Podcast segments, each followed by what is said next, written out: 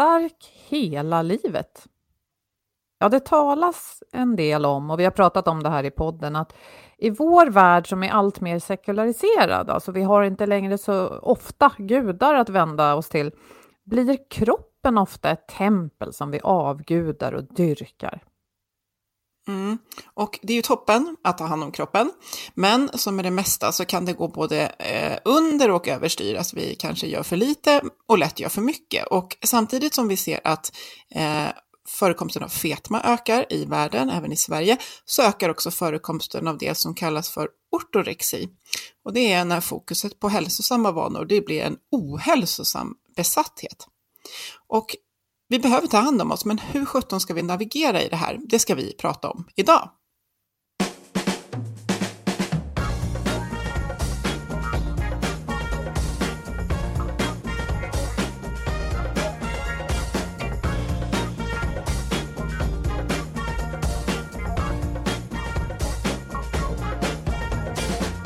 Du lyssnar på Health for Wealth, en podd om hälsa på jobbet. Trots att vi får det bättre och bättre mår många av oss bara sämre.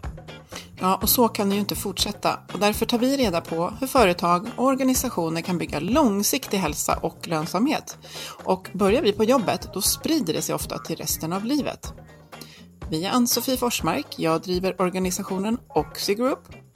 Och Boel Stier, kommunikationskonsult. Lyssna på oss så får du nya insikter varje vecka för dig som är chef, ledare, jobbar med HR eller är medarbetare förstås. Mm.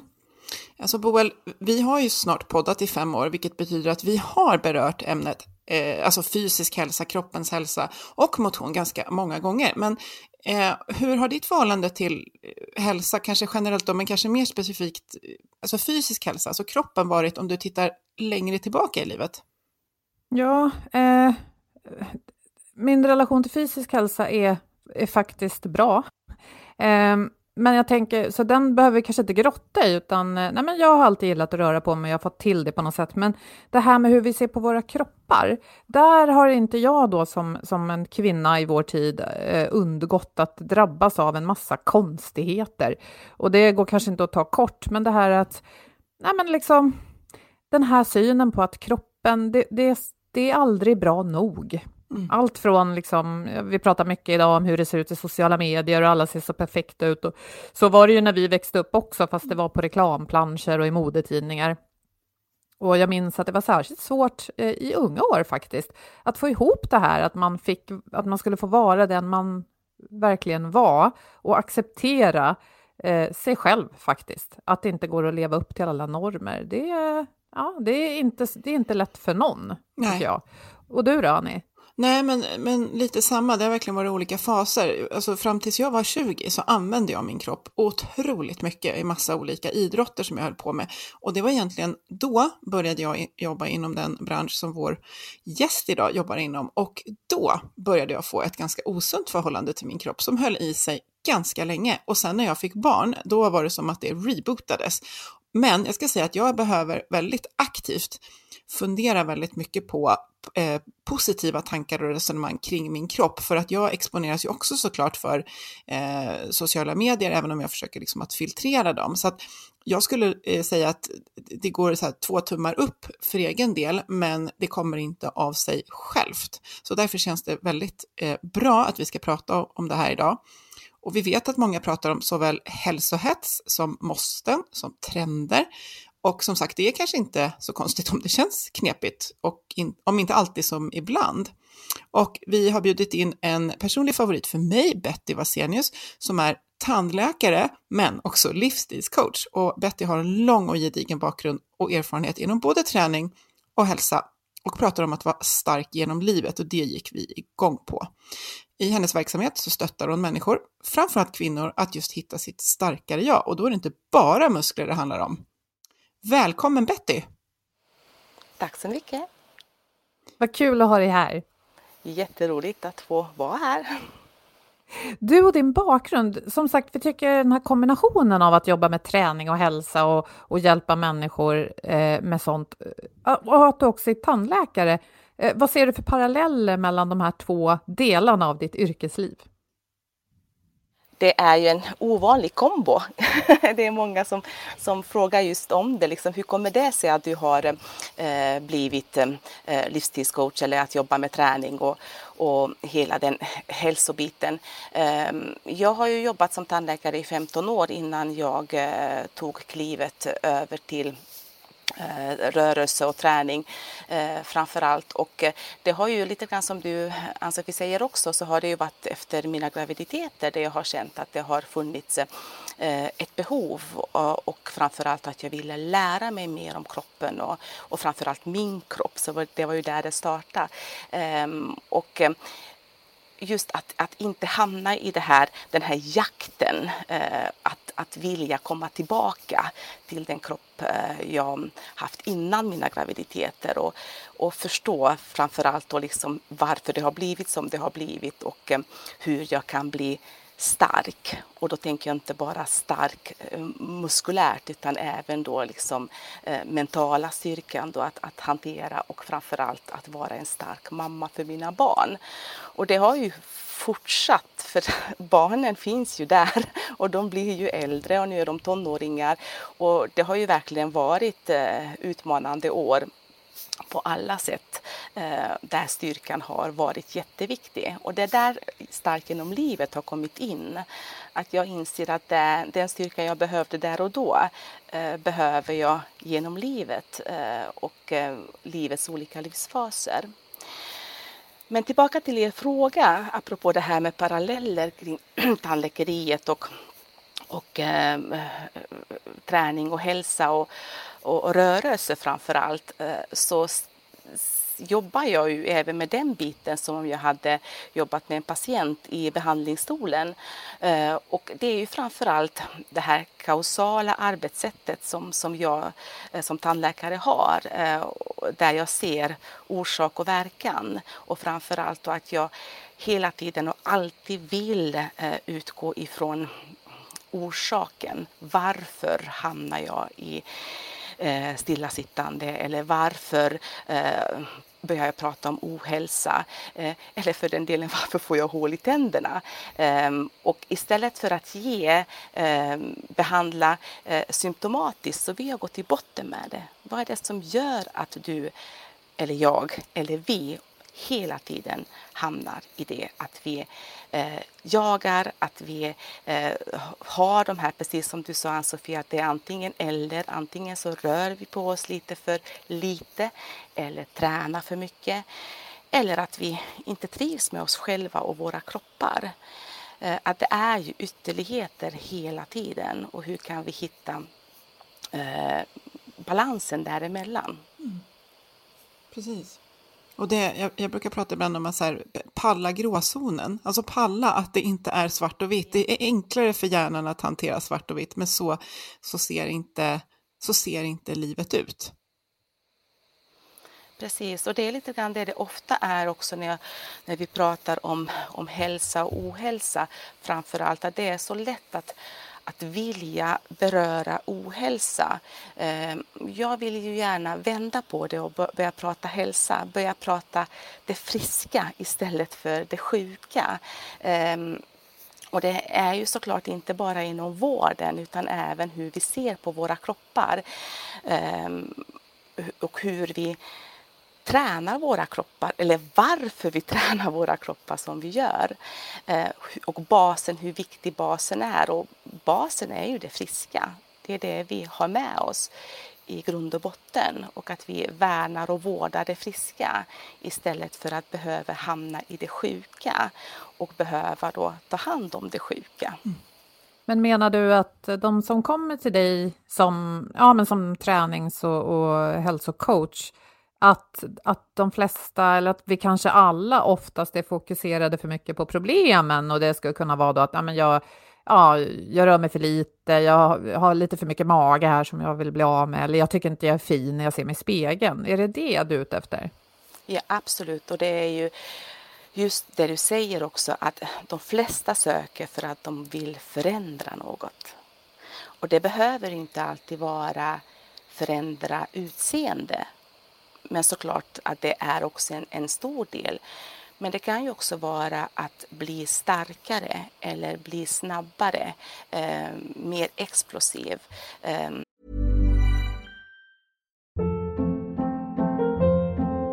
Hold up. What was that? Boring. No flavor. That was as bad as those leftovers you ate all week. Kiki Palmer here, and it's time to say hello to something fresh and guilt-free. Hello Fresh. Jazz up dinner with pecan-crusted chicken or garlic butter shrimp scampi. Now that's music to my mouth. Hello Fresh. Let's get this dinner party started. Discover all the delicious possibilities at hellofresh.com.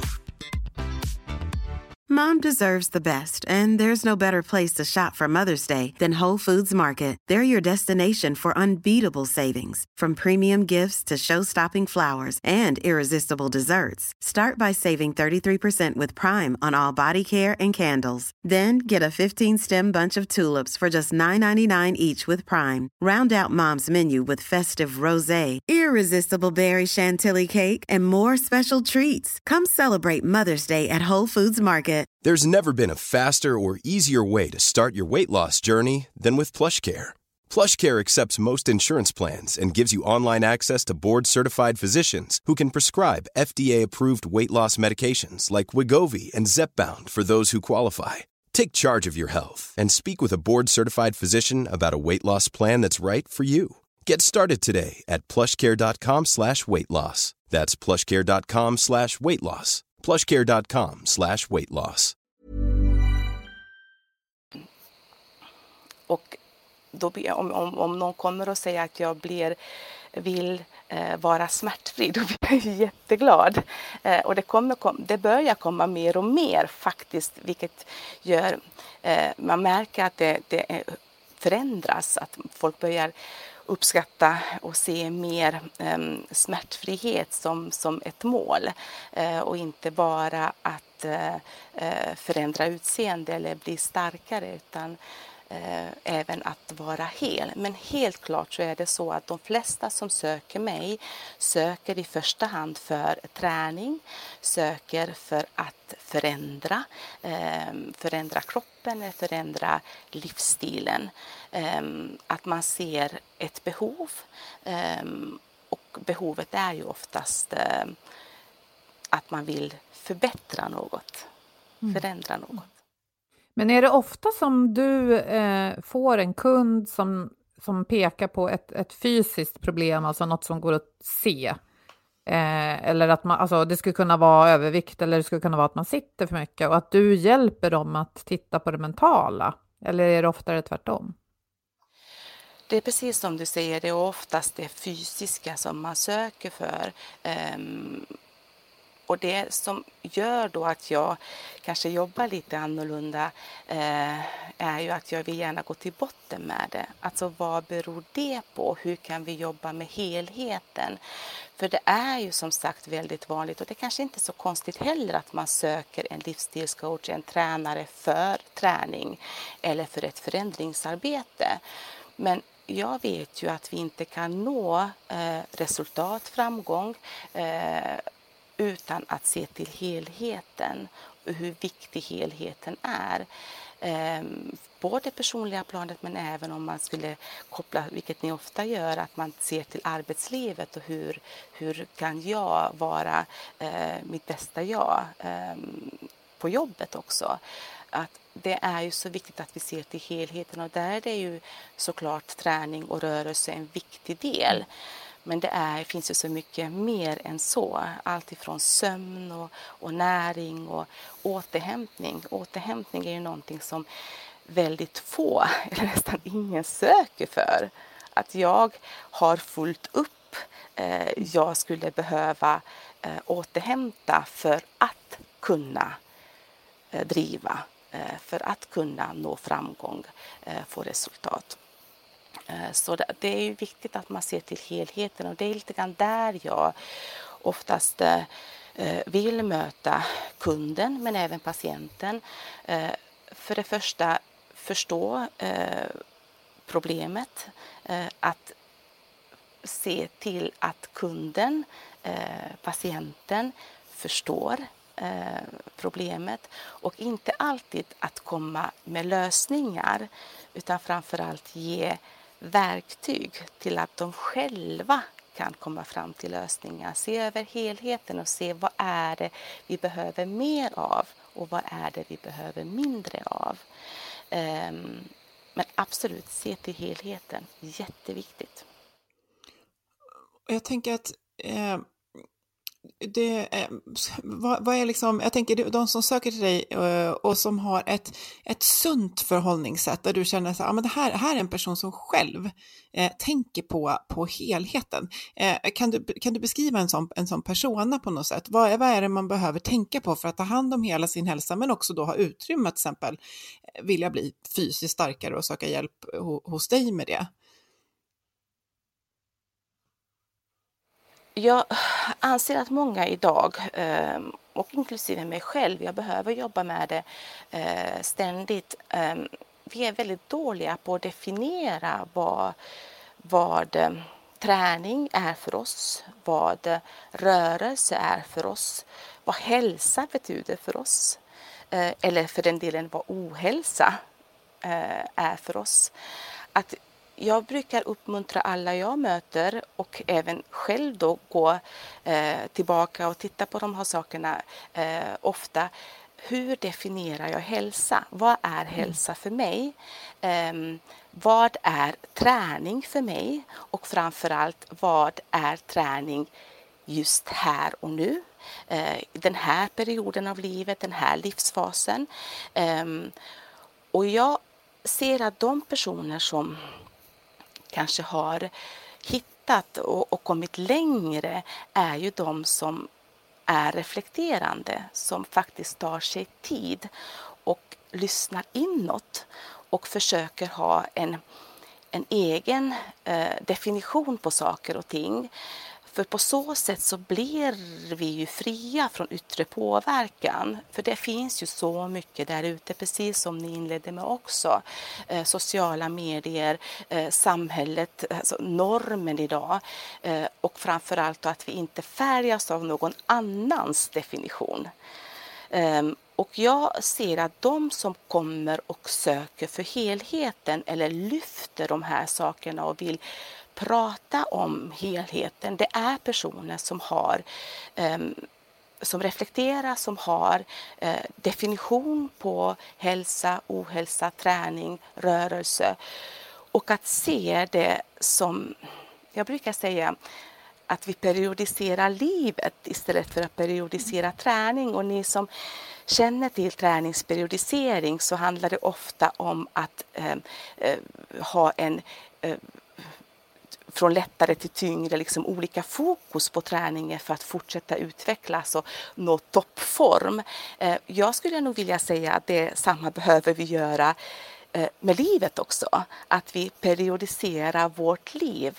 Att vi ser att livet går i perioder. Och hur kan jag följa eh, livets perioder eh, i min träning, eh, men även då andra saker som, som är kanske karriär eller var jag är någonstans i livet med småbarn, eh, om jag är kvinna mitt i livet där jag har den här hormonella obalansen som kanske gör att jag behöver landa mer i mig själv, grunda, eh, träna, röra mig på ett annat sätt. Eh, så att vi tänker mer att livet går i perioder och att mm. vi också behöver anpassa vår träning um, mm. utefter det. Mm. Ja, men eh, du nämnde tidigare det här att kanske som kvinna då ha fött barn och väldigt snabbt vilja komma tillbaka till den kropp man hade innan. Det, det är ju en jag tänker, man kan väl inte komma tillbaka till sin kropp man hade innan, för den finns ju inte längre. Är det också en lite hård insikt kanske att behöva tugga i sig? Absolut, och det här gäller ju även längre fram i livet när vi då har börjat komma in i, i förklimakteriet, klimakteriet, den livsfasen. Att jag brukar ofta prata om det här att vi ska acceptera. Alltså, acceptans också är en viktig del ehm, och att det blir annorlunda. Eh, och då blir ju många väldigt ledsna när jag säger att, att det blir annorlunda och det kommer att vara annorlunda. men jag brukar också påminna och berätta att annorlunda behöver inte alltid vara sämre. Att det är så viktigt att vi ändå tänker på det att annorlunda kommer det ju vara. Annorlunda år har vi ju haft. Men det behöver inte alltid innebära att det är sämre. Det kan mm. faktiskt föra med sig saker som är utvecklande för oss, som stärker oss, som gör att vi utvecklas. Och inom träning så brukar jag kalla det för träningsmognad, att vi når faktiskt träningsmognad där vi förstår vikten av att vila, att elda när kroppen kroppen vill elda, när livet finns där med oss och för oss. Men framför allt att vi förstår vikten av att jobba med och för kroppen, inte emot kroppen. Och när vi börjar jaga något yttre, någon annans definition, eh, så frångår vi från det. Då börjar vi jobba mot kroppen. Och då vet vi vad det ofta händer. Det är ofta smärta, eh, känsla av misslyckande eh, eller att vi helt enkelt behöver pausa, stanna upp det vi har jobbat så hårt för i värsta fall om det går så långt att vi kanske drar på oss skador eller bränner ut oss.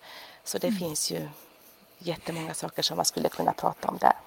Ja, men det, jag, jag, får en massa olika tankar. För det här att vara smärtfri som du nämnde i början. Jag vet att när jag var yngre och jag gav ut träningsböcker på mitt bokförlag för ett tag sedan, då var jag inte så ung heller. Eh, när jag kom in i det så hade jag med mig från eget idrottande och sådär, att jag hade läst en del idrottslitteratur och den var väldigt ofta fokad på så här hur man håller sig skadefri. Och jag kände så här lite, oh, jag vill inte intresserad av skador, jag vill ju prestera. Sådär. Och, och, och den, så kanske man är när man aldrig har skadat sig, tänker jag. Det, alltså, vad tror du, Betty, att det kanske krävs att man har levt lite och, och liksom, eh, vad heter det, stött i kroppens begränsning på något sätt och, för att bli så där ödmjuk? Eller? Det, det är det jag kallar för träningsmognad. att vi har gjort allt det där eh, och vi har förstått eh, att eh, det, att vara skadad eh, eller har smärta i kroppen bromsar upp oss och mm. inte ger oss det här måendet som vi eh, mår så bra av varje dag. Och då kan vi ju gå till det här med tuff, hård träning. Att ja, det har vi gjort det, det, det, gör vi fortfarande lite, um, men inte jämt. och då brukar jag oftast benämna det som, ja vi kanske är mer vardagsmotionerat och vardagstränar och så har vi det här med festmotion eller festträning. Och det har vi också förstått att vi inte kan festa hela tiden, alltså det mår vi inte heller bra av.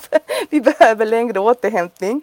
Så att vi, vi, vi, festtränar eller festmotionerar um, ibland men vardagsmotionerar väldigt, väldigt mycket mer.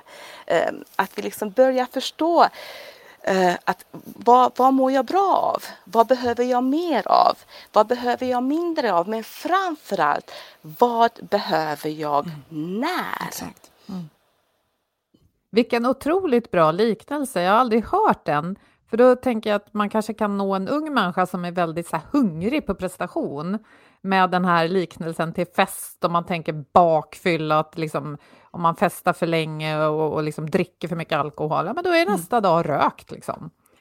Det här med fest, fest eller svettkalas eller svettfest hela tiden. Att man ska få känna liksom att kroppen är helt slut och dränerad efter varje träningspass. För det är ju det som mm. räknas, mm. eller hur? Det är då vi får resultat. Jag brukar säga det här med resultat också. Alltså, vad är resultat och vad är det för resultat vi vill ha? Eh, vill vi kunna hålla igång och vara starka genom livet? Eh, men då är det inte svettfest varje träningspass.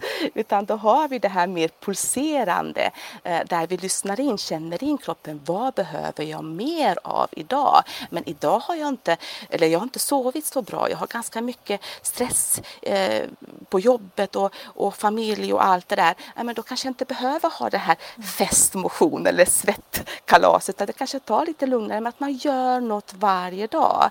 Eh, och det förstår vi också att vi kan inte träna varje dag det går ju inte, men vi kan ju röra på oss varje dag och så mm, kan vi fästa exakt. till det lite då Jag tänker då. det du beskriver, eh, du kom tillbaka till det du skrev, de som har, man säger har koll, eh, reflekterar och eh, jag tänker för att det, det, kan ju vara att man känner så här, men herregud, det här kommer jag inte kunna bedöma själv när det är dags för svettfest eller eh, eller veta när kan jag pusha träningen, att man tänker att man behöver en professionell kompetens som kan hur musklerna ska periodiseras i sin träning och så vidare. Eh, men jag tänker mycket på att om man på något sätt kan bygga in reflektion att okej, okay, men nu testade ju jag att göra det här och hur blev det då? Man behöver reflektera hela tiden på, nu gjorde jag så här, hur känns det då? Och sen som du beskrev också att vad är hälsa för mig? Det där känner jag så väl igen också. Det har man inte riktigt definierat och man har inte definierat det utifrån de tre delarna som hälsan är, alltså den fysiska, mentala och den sociala, därför att de påverkar ju varandra. Eh, många av oss kan ju känna igen att om vi som eh, har lite sug efter eh, endorfin junkies, att om vi tar oss an en väldigt tuff fysisk utmaning så kan den påverka min sociala hälsa därför att den påverkar mina relationer. Och eh, det gäller ju att, att, eh, att skapa en bild, vad är hälsa för mig? Men det låter inte som att du upplever att eh, så värst många gör, stämmer det? Ja, håller med dig fullständigt. Ehm, jag tror att många idag är mm. lite rädda för att reflektera. För det som kanske möter oss. Men vad gäller träning så där tror jag nog att, att många inte tänker att, att kan jag reflektera kring det också? Kan jag ha en definition eh, kring vad träning är för mig. Alltså hur definierar jag träning? Vad är Bettys träning? Och jag tror att det är där det ofta blir det här att grannen gör det, mm. de på jobbet gör det, eh, de mår så här av det, de får de resultaten av det. Då måste jag kanske också göra det. Men det är ju emot min natur. Det är ju ingenting jag går igång på. Jag får inte endorfiner av det, tvärtom. Det dränerar mig. Eh, men jag bör, måste, för att det är det alla andra gör. Och jag ser att det är lite, lite fara kring det här med träningstrender som kommer. För det är någonting som man måste såklart haka på, för det gör ju alla andra. Eh, och det är lite grann det jag ofta möter när vi pratar om kvinnor framför allt och styrketräning. Att styrketräning för många, för jag anser att styrketräning är ju att stärka vår kropp. Eh, är ju något vi alla behöver göra. Jag tror att det faller mer naturligt för män. För det är någonting att vara stark är ju någonting de vill vara eh, och definiera sig som. Eh, vi kvinnor ser inte på samma sätt. Eh, och då måste vi också tänka, men vad är min definition på styrketräning? Mm. Är det crossfit? Är det skivstångsträning? Är det ens gymträning? Eh, eller är det kroppsviktsträning? Är det inne? Är det ute? Är det timmalånga pass eller är det 15-20 minuter varje dag? Eh, och att vi kanske börjar släppa det här med teknik. Gör si, gör så, gör inte så. Och det där såg inte bra ut. Var rädd om ryggen. Åh, tänk på axlarna. För att om min definition är att jag jobbar med min kroppsvikt, då behöver jag inte tänka på de sakerna. Om min definition är att jag behöver gå in på crossfit eller tyngre styrketräning med skivstång, då kanske jag behöver tänka på de sakerna. Jag tror att det är, finns en optimeringsnoja hos så många idag.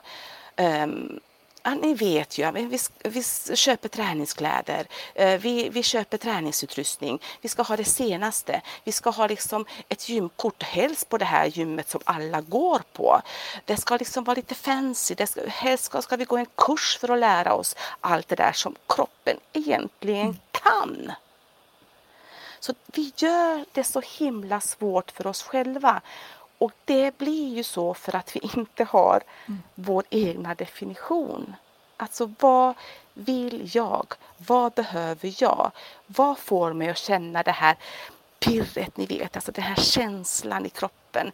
Uh, yes, det här vill jag, det här går jag igång på. Det här får mig att må. Och där brukar mm. jag kalla det här må snyggt som jag har på Instagram, hashtaggen.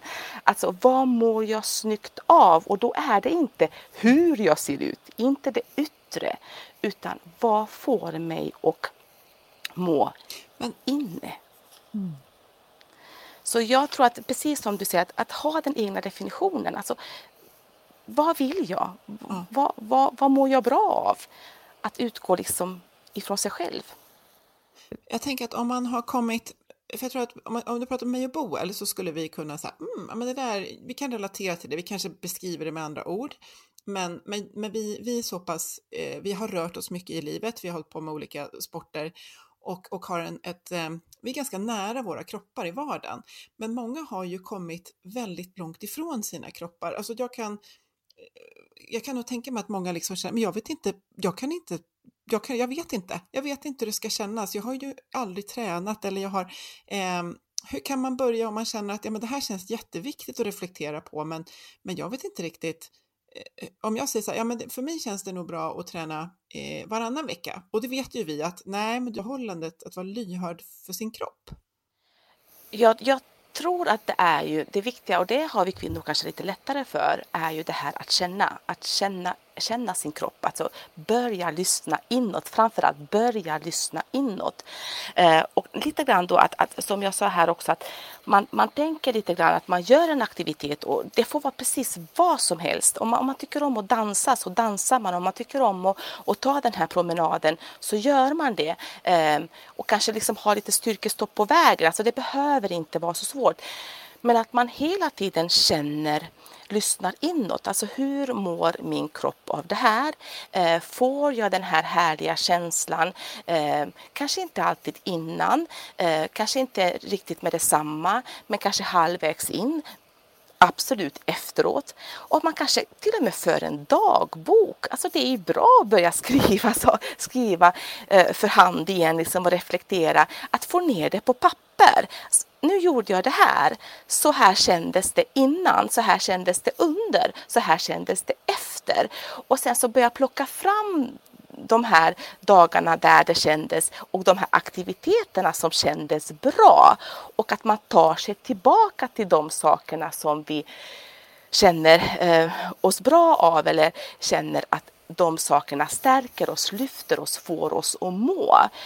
Um, och det här också hur många gånger. Ja, vi vet ju att vi behöver ha två, tre eh, muskelstärkande aktiviteter i veckan. Men vem säger att den här 2, 3, 60 minuter eller vad det nu är måste ske två, tre samlade gånger?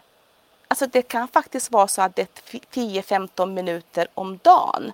Att vi gör något varje dag. Jag ser att jättemånga personer som eh, krigar med motivation och, och liksom det här att sänka trösklar, att inte alltid behöva eh, känna eh, motstånd till träning. De behöver göra något varje dag. De behöver göra något eh, alltså oftare än de här två, tre träningspassen i veckan.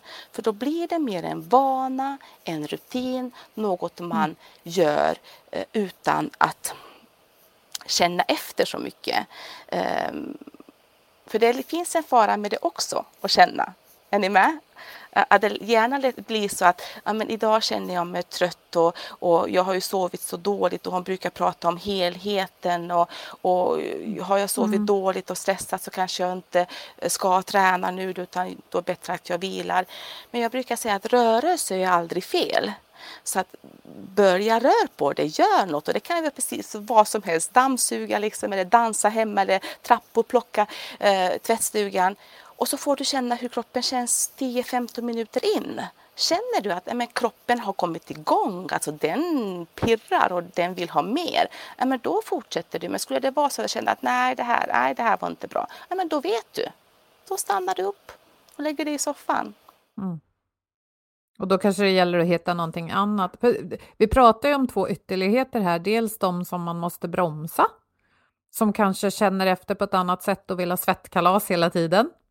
och liksom inte liksom förmår känna av eh, behovet av återhämtning då till exempel.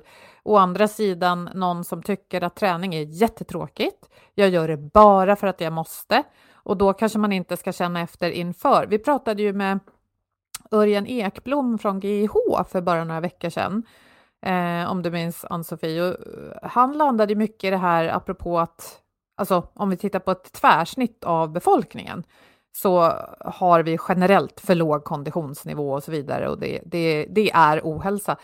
Han var ju inne väldigt mycket på det där, ja motivation och, och allt det är ju fint va, men det kommer kanske bara vissa att hitta. Så att för andra handlar, och det, jag tänker att det motsvarar lite det du säger Betty om att okej, okay, om jag vet att jag inte tycker det är kul, jag gör det bara för att jag behöver det, för jag vet att det känns bra liksom i livet sen. Då, då får man tänka som tandborstning. Det är 15 minuter som bara ska hända. Och det är lite grann det också, det brukar jag oftast tänka på apropå det här med tandborstning. Alltså hur har vi lyckats med det så bra? Alltså att alla, verkligen alla borstar morgon och kväll.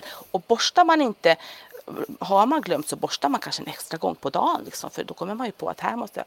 Hur har vi kunnat lyckas med det så bra?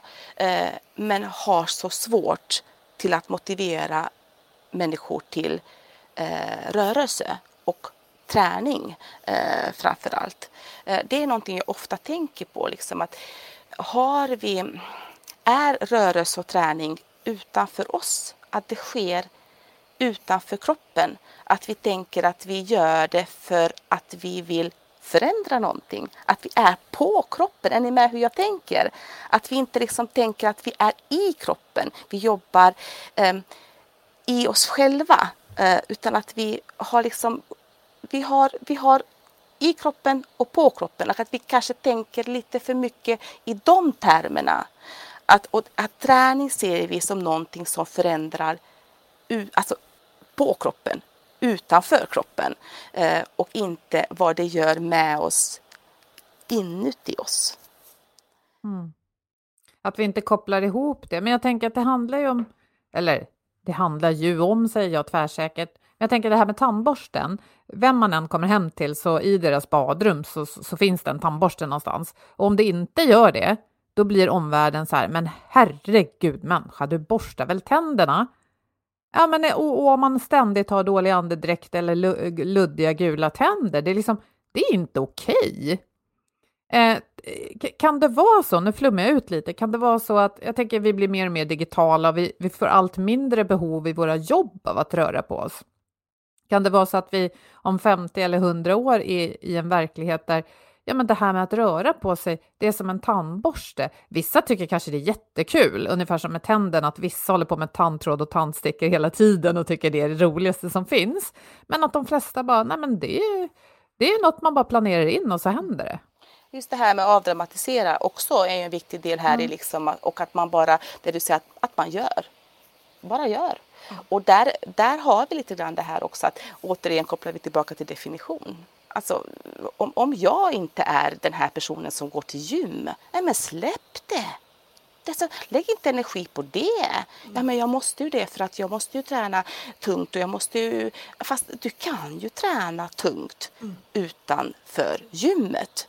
Eh, och skulle det vara så att du behöver ha lite tyngre, ja men köp hem lite redskap. Ja men gud, det har jag gjort. De bara står där och dammar liksom. Nej men naturen då? Det finns sten och stock. Det finns ju hur mycket som helst där ute.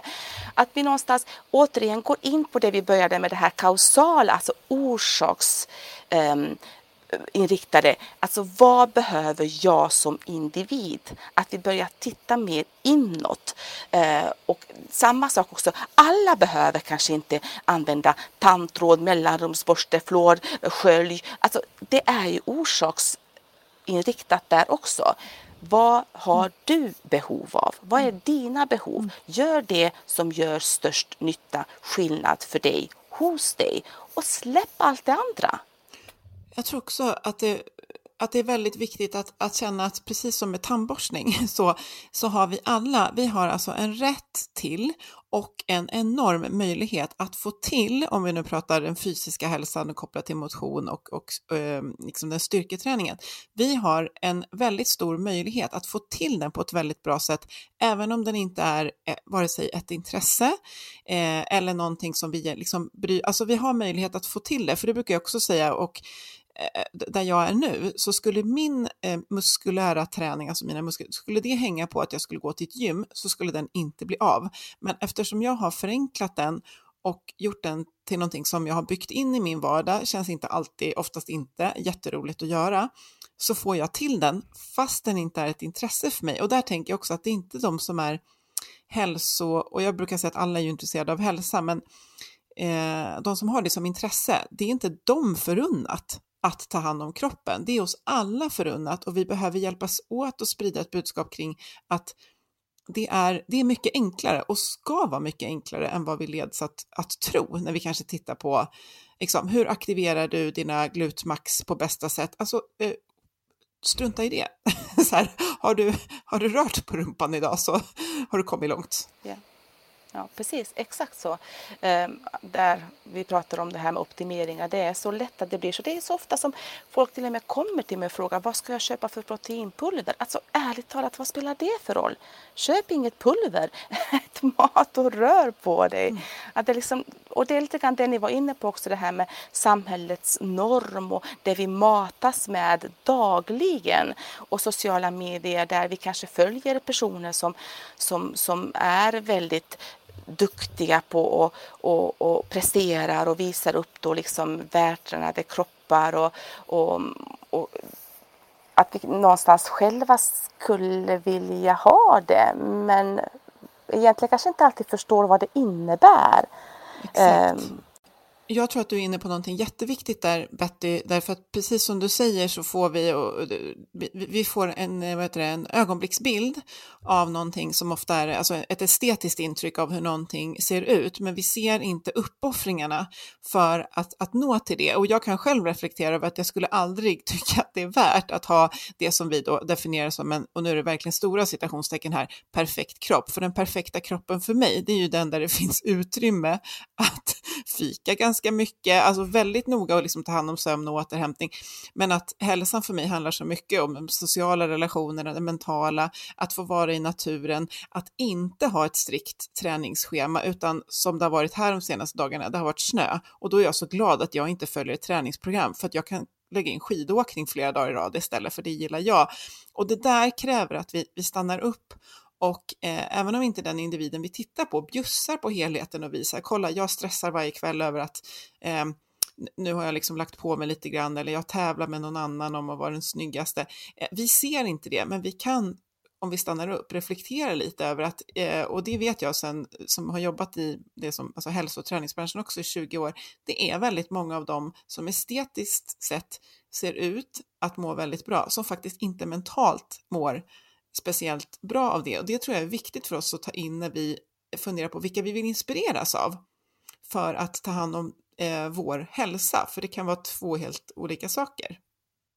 Jag håller med dig fullständigt och det, det är lite grann det som ofta brukar vara det här att elda när kroppen är redo för att elda eller om man tänker att det här med att, att, att periodisera livet. För jag tänker att, för det ofta får jag frågan liksom, är du emot prestationsträning?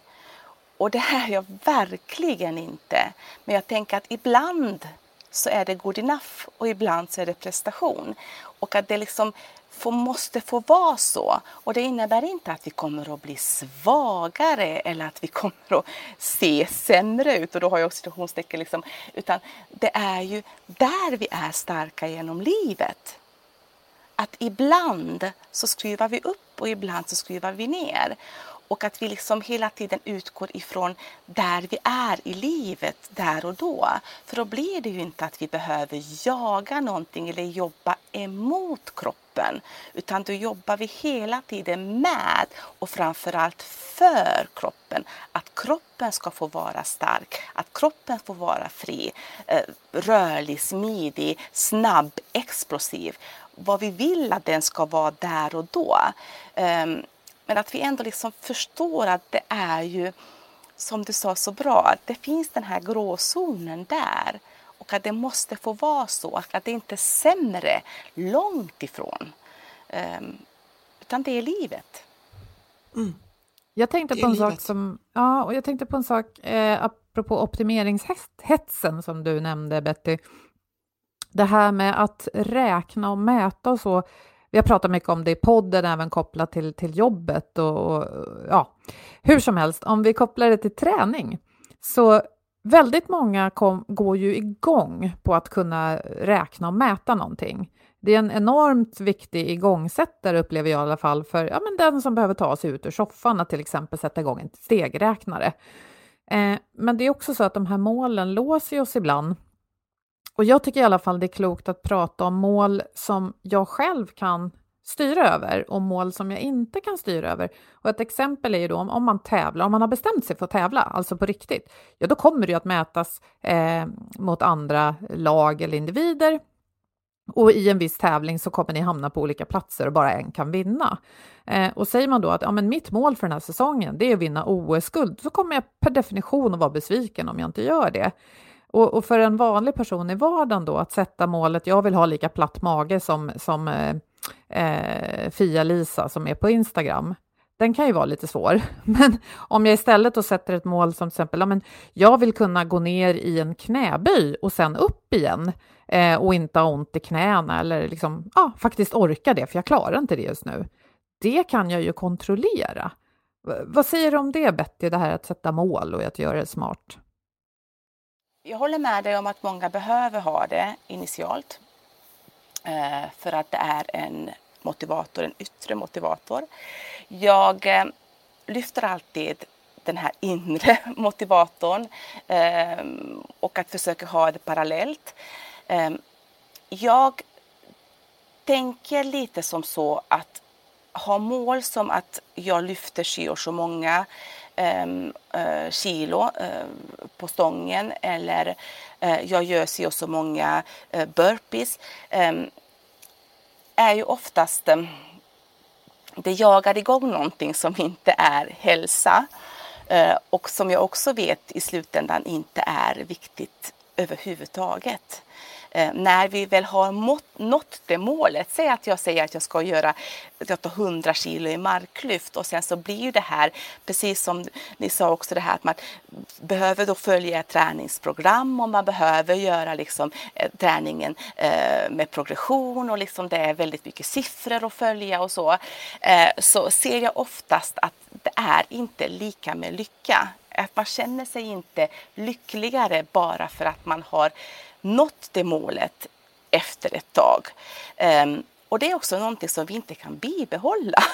Så jag, mm. där kommer det här hållbarheten Eh, i. Och absolut om man har bestämt sig för att nu ska jag tävla i detta och där vill jag vara bäst, men då måste vi ju träna därefter. Men jag upplever att många som inte har tävlingsambition, som när jag ställer frågan rakt ut, skulle du vilja tävla eller har du något tävlingsmål med detta? Men gud nej, nej, men gud nej, nej, nej, nej, inte ska jag tävla, nej, men gud nej då behöver jag inte heller träna eller mäta min träning därefter. Och att vi behöver hitta andra sätt att mäta framgång på. För jag upplever, precis som du säger, att det är viktigt att vi har mätbara mål. Jag gillar mätbara mål. Men det kan ju faktiskt vara genomförandemål. Att jag har mm. faktiskt gjort två styrkepass i veckan och jag har gjort Eh, Eh, min vardagsmotion. Eller jag har vardagsmotionerat den här veckan för det är det jag har bestämt mig för. För det är det livet tillåter här och nu. Eller jag har valt att inte följa träningsprogram. Men jag antecknar i min kalender att jag gör något varje dag eller varannan dag. Ehm, och det spelar ingen roll vad, men att jag rör på mig i 15-20 minuter. Det är också ett mål. Och då kan man känna sig stolt även om det där ja, löppasset eller, eller styrketräningspasset inte gick så bra eller att jag inte känner mig så stark, för jag har gjort det. Ja, och där har du också någonting som jag möter väldigt ofta det här med att vi inte har något tydligt uttalat mål men ändå så värderar personen det här genomförda träningspasset som om det hade varit ett tydligt mål satt för just det träningspasset. Det gick inte så bra idag, säger de. Och då frågar jag, kan du berätta hur du tänker? Varför gick det inte bra idag? Ah, men du vet, jag kunde inte lyfta så starkt eller jag kunde inte springa så långt. Ah, jag, är ganska, jag är inte nöjd med passet idag. Och så bara, men vi har ju inte haft det målet. Mm. Vi har ju haft målet att göra. Och du har gjort det. Så bra jobbat! Bock på det! Mm. Väldigt, väldigt bra. Um, att vi är så duktiga på att värdera någonting som vi inte har som mål. Jag, jag, tror att det, det leder oss bra in till lite så om man ska försöka sammanfatta alla kloka saker du har sagt, att, eh, att det handlar väldigt mycket om att eh, när det gäller både hälsa och träning, att definiera och reflektera över vad jag, eh, vad jag behöver och vad jag vill ha. Och sen så landar man då ofta i att när det gäller hälsa så handlar det oftast mer om genomförande mål snarare än siffror eller mätbarhetsmål, för de kan, man, de kan man lägga på när man har hälsan i botten. Då kan man eh, fest, festträna eller utmana sig eller sätta en typ av utmaning när livet tillåter det, för livet kommer alltid först. Eh, och att eh, det låter som att du uppmuntrar väldigt mycket till att vi har kompetensen inom oss om vi tar oss tiden att, att, att, reflektera. Och när jag hör dig beskriva så låter det mycket mer som att du skulle nästan kunna coacha dig själv ur business eh, för att du vänder tillbaka till individen att eh, vad, vad, behöver du? Och det kanske landar i att, att ja, men jag kommer till dig för att, för att börja lyfta tungt. Ja, men du kanske inte ska lyfta tungt just nu. Eh, men jag tror att du kanske ändå skulle få mycket att göra för att du behövs i den rollen, att, att liksom coacha i livsstil. Så. Och det är precis där det kommer in lite grann det du ställde innan, att bromsa.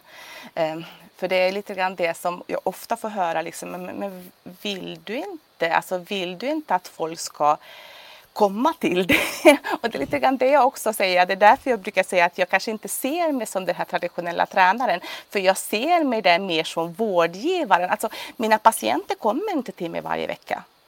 Mm. Jag är väldigt, väldigt lycklig och känner att jag har gjort ett bra jobb och mina patienter kommer tillbaka varje år och inte har att göra. När de kommer på undersökning och vi säger bra jobbat, du har inga hål. För där känner jag att jag har gjort ett bra jobb där jag har gett dem kunskap, jag har gett dem verktyg. Jag kan ju finnas där och stötta när stöttning behövs. Men de gör ju jobbet för att de vet vad de behöver. De har ju den här definitionen och de vet ju vad jag behöver när. Ehm, och kan vara starka genom livet på det sättet. Och sen så har vi lite avstämningar. Då finns jag ju där. Jag kan lyfta, jag kan eh, bromsa om det behövs. Eh, men mer, mer den rollen. Mm. Mm. Precis. Mm, vad klokt. Ja. Jag tänker att en, en personlig tränare som du skulle många behöva möta som just eh, ja, men ställer frågor. Nu tror jag att ganska många ändå är duktiga Gör. på det. Yeah, yeah. Men ändå att, liksom att man eh, tar sig tiden att eh, inleda den här reflektionen som vi var inne på till att börja med. Och samtidigt förstås inte fastna där heller som man sitter och grubblar utan att man faktiskt kommer ut och gör någonting för att vi behöver det. Så det, det, det här med träning kommer nog alltid vara den här balansen och att vi alla är på olika platser. Och jag tar med mig det här med periodisera livet och eh, eh, dina begrepp om det här med, vad var det du sa nu, att festträna. Det, det vet jag människor i min omgivning som behöver få höra. Du vet att vi har till och med lite bubbelträning, att vi tränar först och sen så dricker vi lite bubbel. Ja, men det har jag sett ja, ja. på eh, Så det är, ju, det är ju våra festträning. Och det gör vi inte varje dag. Nej. Underbart. Ja. Tusen tack eh, Betty och vi, vi länkar såklart till vart man hittar dig från det här eh, inlägget på vår, på vår hemsida. Tusen tack för det här samtalet, det är jätteinspirerande och eh, skönt tyckte jag. Härligt att få prata om det på det här sättet. Och vi vill också gärna skicka med eh, mer lästips. Vi har en samarbetspartner som heter motivation.se som skriver om allt möjligt och mycket finns det om, om hälsa där och även eh, alla dess delar. Men idag så har vi valt ut en artikel som handlar om hur man kan tänka och resonera för att lyckas med en förändring och det känns väldigt relevant kopplat till det vi har pratat om idag och eh, den heter Rädda nyårslöftet genom att formulera om det. Men jag vill verkligen understryka att det passar jättebra hela året. Och eh, ja, vi tackar eh, Betty förstås och vi tackar våra samarbetspartners Motivation.se och Agda Media för den här produktionen. Boel. Följ oss gärna på LinkedIn och kommentera gärna där och säg hej, för det gillar vi. Så hörs vi om en vecka igen. Ta hand om er. Det gör vi. Sköt om er. Hej då! Hej då!